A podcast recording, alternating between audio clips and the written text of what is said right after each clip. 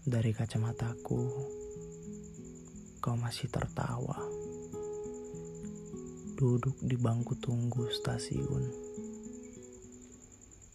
Jajanan kesukaanmu kau genggam erat di tangan kiri, sementara jaket kanvas coklat milikku.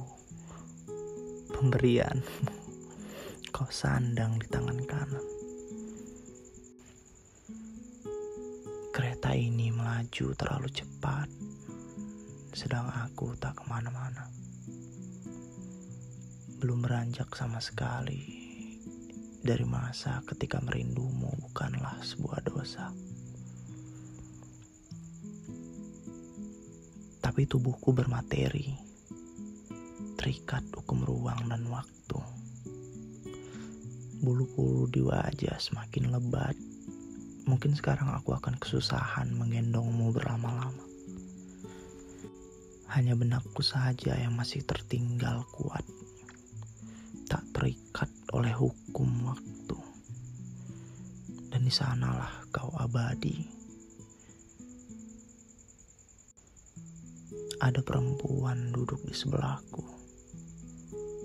Aku takut sekali kau akan marah. Kan kau wanitaku paling cemburuan sedunia.